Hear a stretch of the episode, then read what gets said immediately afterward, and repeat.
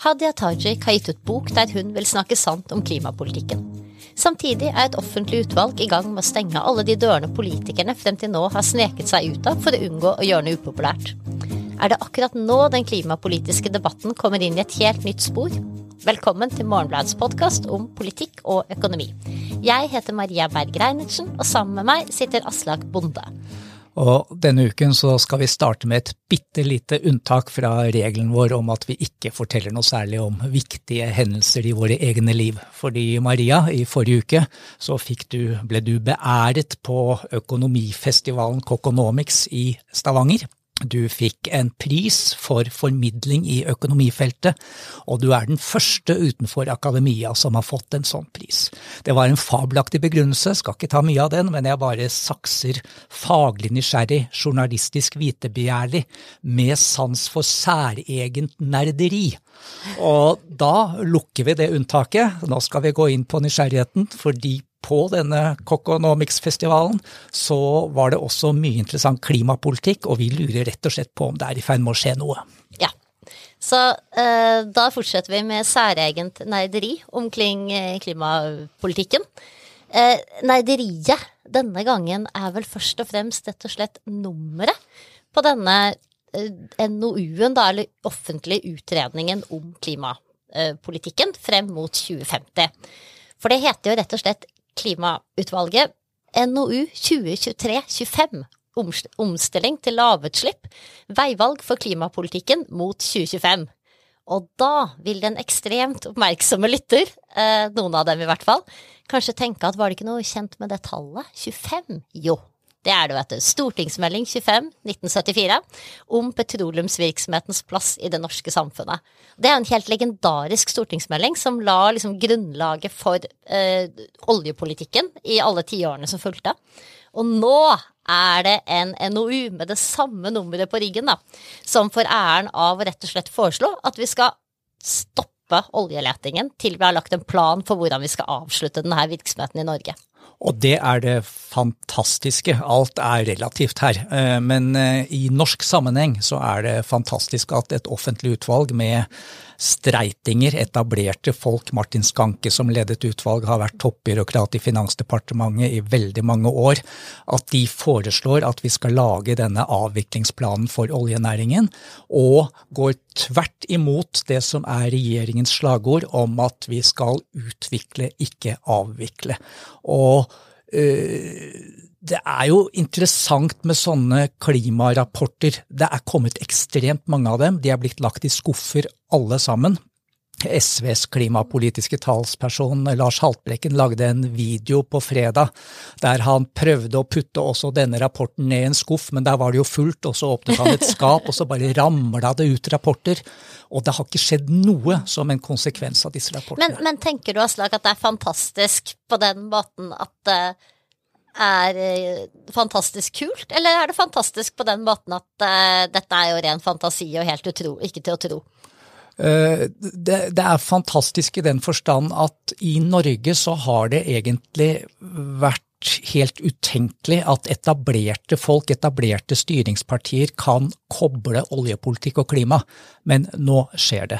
Eh, og, eh, og, når jeg sier at det er jo ikke radikalt i, i internasjonal sammenheng, så er det jo, det er jo mange som har gått inn for å avvikle oljen, men Ja, det er blitt nevnt som noe vi er nødt til å drive med her i verden frem mot 2050. Da. FNs generalsekretær, IEA-rapporter, mange har sagt det.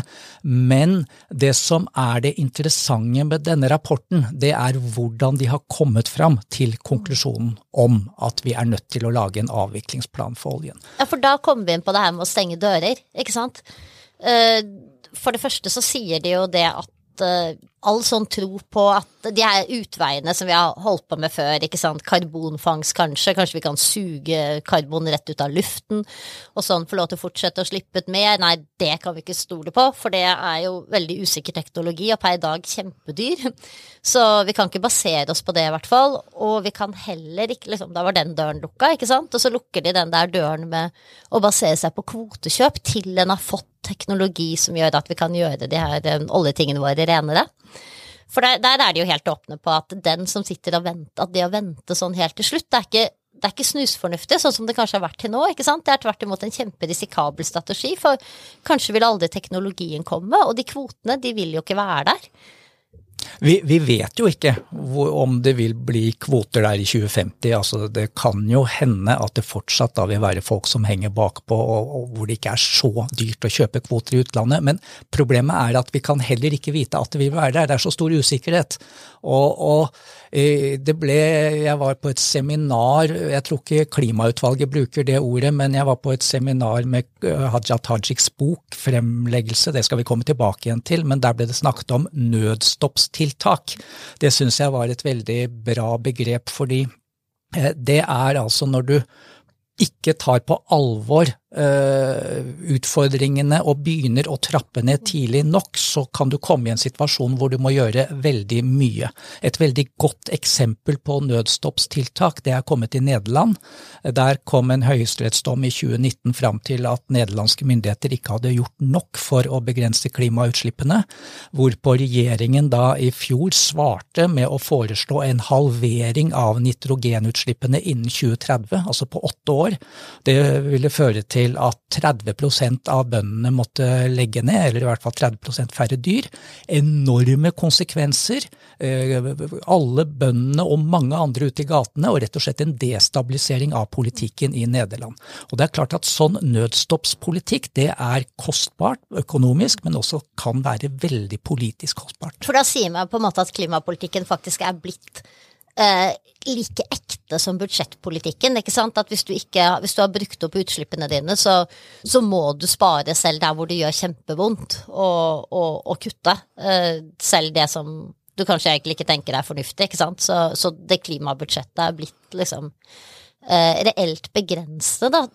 Helt mm. ærlig, tror vi noen gang vil komme dit i Norge? At vi tar det like på alvor og kutter like desperat når vi har brukt opp uh, utslippskvotene våre, som vi kan gjøre for å f.eks. holde oss innenfor de rammene som du ser i budsjettpolitikken, da. Der du hadde Der regjeringen jo i fjor faktisk tok noen skikkelig upopulære avgjørelser ikke sant, i en økonomisk mm. politikk for å holde seg innenfor de rammene.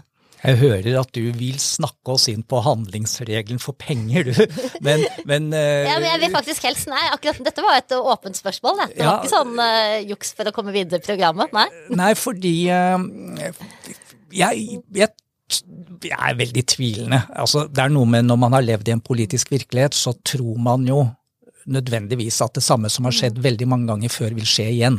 Sånn er det jo. Så at vi nå plutselig skal begynne å ta eh, klimautslippene på så stort alvor som, som, det fortjener. Det er en sånn normativ påstand, men som vi faktisk hele stortingsflertallet har uh, forpliktet seg til å gjøre, så, så, må det skje et eller annet. Men jeg, jeg syns jo Hadia Tajiks eh, bok, som også kom i forrige uke, og som det var bokslipp med både du og jeg har vært på hver vår eh, intervjuseanse med Hadia Tajik som tilhørere. Og og jeg syns den er interessant fordi hun uh, sier at nå må vi begynne å snakke ærlig. Hun, uh, hun, spiller jo på dette som vi jo alle så i valgkampen, den partilederdebatten hvor Fredrik Solvang ba partilederne om å rekke opp hånden hvis de trodde vi skulle nå klimamålene våre, og det var bare Jonas som rakk opp hånden. Og det viste jo at både den tidligere statsministeren og dagens finansminister de tror jo ikke på mål som de selv har satt seg, og det, det er veldig, veldig skadelig. Dette er noe som uh, Hadia Tajik på en måte spinner videre på. Og hun skriver om hvordan eh, samfunnet er blitt så avhengig av petroleumsindustrien. Den er blitt too big to fail. Altså sånn som bankene, at de kan ikke gå konkurs. Petroleumsindustrien kan ikke gå nedenom, for det er altfor mange arbeidsplasser, altfor mye penger involvert i det. Og det må vi komme oss ut av, sier Hadia Tajik. Og det tror jeg altså Noen anmeldelser av denne boken sier at den er jo så kjedelig, det er som en perspektivmelding, og hun har liksom tittelen Nei, ikke sant, det, det finnes jo ikke kjedelig, selvfølgelig. Men, uh, men ikke sant, hun har tittelen på den boken 'Drømmer for min datter', og du liksom ser for deg noe sånn rosa drømmer. Men uh, det er jo mye mer perspektivmelding i den boken. Men det er jo nettopp poenget, fordi hun er, selv om hun ikke er nestleder lenger, så er hun en ansvarlig, relativt sentral arbeiderpartipolitiker. Og det eh, at hun da går på en måte inn og argumenterer eh, med liksom de etablerte politikernes eh, måte å tenke på, det tror jeg kan ha stor betydning. Ja, for, for det er jo det som gjør at jeg kanskje er litt mer optimistisk enn en, en, en, liksom ryggmargsrefleksen din er, da. Er ikke kanskje litt mer, jeg er mer optimistisk jeg, etter den rapporten her. Jeg tenker at den kan være en skikkelig game changer i uh, klimapolitikken. Og uh, det er ikke nødvendigvis fordi du vil få alle politikere til å løpe av gårde og, og kutte utslipp og lage planer for å kutte utslipp, men bare det at hvis du nå fremover ikke liksom lager en plan Altså, i politikken din, da, sånn som utvalget tar til orde for. At man må ha planer for alt man egentlig driver med staten nå. Kunne, og i norske kommuner så må man vise at dette er en del av veien til lavutslippssamfunnet. Dette er noe som holder oss innenfor disse budsjettene. Dette er noe som er, gir mening i forhold til den veien vi skal gå, ikke sant. Og hvis du ikke gjør det nå, så vil det være veldig vanskelig å si at politikken din er kunnskapsbasert. Uh, og det tenker jeg vil ha noe å si litt over tid, da, for, for hvordan debatten vil spille seg ut. ikke sant? For at både Høyre og Arbeiderpartiet, eh, som kanskje liksom har utgjort et slags sånn midtsjikt da, i eh, det tyngdepunktet egentlig i klimaomstillingen så langt, ikke sant, de er jo veldig opptatt av å kunne si at politikken deres på et eller annet vis er kunnskapsbasert. Er ikke, nå må du være litt mer sånn ja, men da kommer vi med alternative fakta, da. Vi tror vi kan plante skog, eller vi tror vi kan kjøpe kvoter som ingen andre tror på. Det blir jo litt mm. vanskeligere, gjør det ikke det? Jo da, jeg, det er der jeg på en måte Det er derfor jeg er, går med på at vi skal lage en sånn optimistisk sending. Og, og, igjen, altså optimistisk for alle de som tror på klimaendringene. Vi må jo ta med at det er jo folk som ikke tror på det, og som, eh, som vil bli eh, overkjørt av politikken mm. fremover. Men premisset for denne samtalen og for norsk politikk er jo at man har slutta seg til Parisavtalen. Ja, og der tenker jeg at liksom det å tro på klimaendringene eller ikke da, det er jo noe som er litt mer kunnskapsbasert enn eh, ja. sånn annen tro vi driver med, liksom. Så, så jeg mener vi, er, vi, har litt mer rett til å lage ekskluderende sendinger for de som ikke tror på klimaendringer, enn en, en om det er liksom Gud eller Allah eller Shiva man mm. forholder seg til, altså. Ja. Det, men ikke sant, ja. det var en parentes, det, men jeg tenkte vi må få det inn. Men det med kunnskapsbasert det er jo nettopp ikke bare kunnskapsbasert Høyre og Arbeiderpartiet ønsker å være, de ønsker også på en måte å og, og ha en, eh, en, systematikk over politikken. Og det er der Hadia Tajik da skriver at vi har allerede en handlingsregel for bruk av oljepenger. Vi trenger en handlingsregel for å ta vare på planeten. Og, og det har du gledet deg veldig lenge til å snakke om, eh, Maria, fordi du har til og med skrevet bok om handlingsregelen for bruk av penger. Eh, si bitte lite grann om hva som er så flott med den, og, hvor, og så skal vi prøve å dra det over til hvordan den kan brukes brukes på klima. Ja, altså den boken, eller de kapitlene i den boka som handler om handlingsregelen, det er jo ikke først og fremst fordi jeg syns den er så dødsflott, men jeg syns det er kjempeinteressant hvordan sånn politikk ble til, da, hvordan den går fra at det var en stor debatt sant, i Norge på slutten av, av 1990-tallet om hvordan skal vi bruke oljepenger, hva skal være reglene for dette, skal vi, skal vi spare alt, vi, kan vi ta hele oljefondet og la Nordsjøens skatter betale folkets skatter, eller hva skal en gjøre, alt var mulig. Og, og så kommer da den etter hvert ekstremt upopulære regjeringen Stoltenberg nummer én i 2001 og sier at nei, vi har bestemt oss, det er et godt prinsipp å bruke bare avkastningen av oljefondet. Vi anslår den avkastningen til å være 4 eh, av fondets verdi. Så da skal vi bruke det i et normalår, da. Litt mer i gode tider, litt mer i dårlige tider. Det sier alltid feil. Litt mindre i gode tider. Eh, og så var plutselig alle de ansvarlige politikerne enige om at ja, Sånn skal det være. Og fra da så hadde det liksom vært malen på ansvarlig økonomisk politikk. Inntil 2017, da Siv Jensen, daværende finansminister, kommer og sier at nei, men vi kan ikke regne med å ha en risikofri avkastning på 4% av oljepengene. Sånn er ikke verdens finansmarkeder lenger, så vi er nødt til å skrive ned handlingsregelen. Det beste vi kan håpe på, det er en risikofylt avkastning på 3 av fondets verdi. Og fra den gang så har det da vært 3 som er målet på ansvarlighet. Og så og det var jo litt rart, da. Eh, etter å ha fulgt den fremleggingen av den klimarapporten her på eh, fredag, ikke sant. Nå må vi ha en handlingsregel for klimapolitikk og alt det der. Så var det litt rart å våkne i helga til debatt om handlingsregelen for bruk av oljepenger. Fordi nå er det både økonomer og høyrepolitikere som mener at vi må stramme inn den regelen enda mer. Ja. Men så, så har du lest budsjettdokumentene, Ja. og så har du funnet ut at Finansdepartementets byråkrater de gjør jobben for oss uten at politikerne har eh, egentlig henger med. Ja, de har gjort det, for i Helt uten debatt så har de da introdusert i en blå boks på side 56 i nasjonalbudsjettet, som liksom er moderskipet av budsjettdokumenter, eh, der regjeringen presenterer sin analyse av den økonomiske situasjonen. Der har de introdusert den såkalte asymmetribufferen.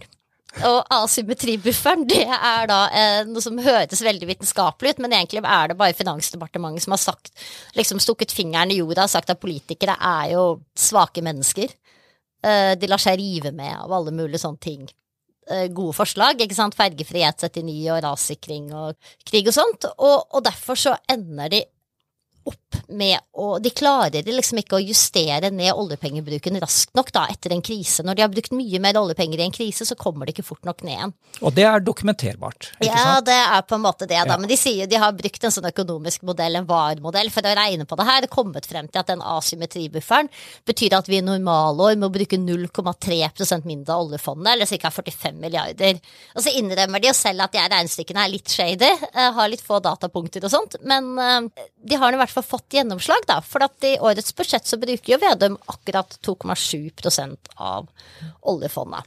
Og det jeg syns er så interessant med eh, Dette her er nerding på høyt nivå, men det jeg syns er så interessant med den historien du forteller der, det er at eh, med en gang det kommer en handlingsregel som en forvaltning har ansvaret for å ta vare på, så begynner de også, så oppstår det en dynamikk hvor de faktisk er ganske kreative for å ta vare på den. Og da kan du tenke deg at hvis vi får en handlingsregel for klimautslipp, som da egentlig klimautvalget foreslår noe lignende, og Hadia Tajik foreslår det, så kan du se for deg at da får vi ikke bare denne handlingsregelen som på en måte sikrer at vi får ned utslippene år for år, men vi får også en forvaltning. Eh, Hadia Tajik vil at det skal være Finansdepartementets byråkrater, eh, men det får vi nå se på. Vi får en forvaltning som vil kjele med denne handlingsregelen og hele tiden passe på at den blir brukt sånn som det var intendert.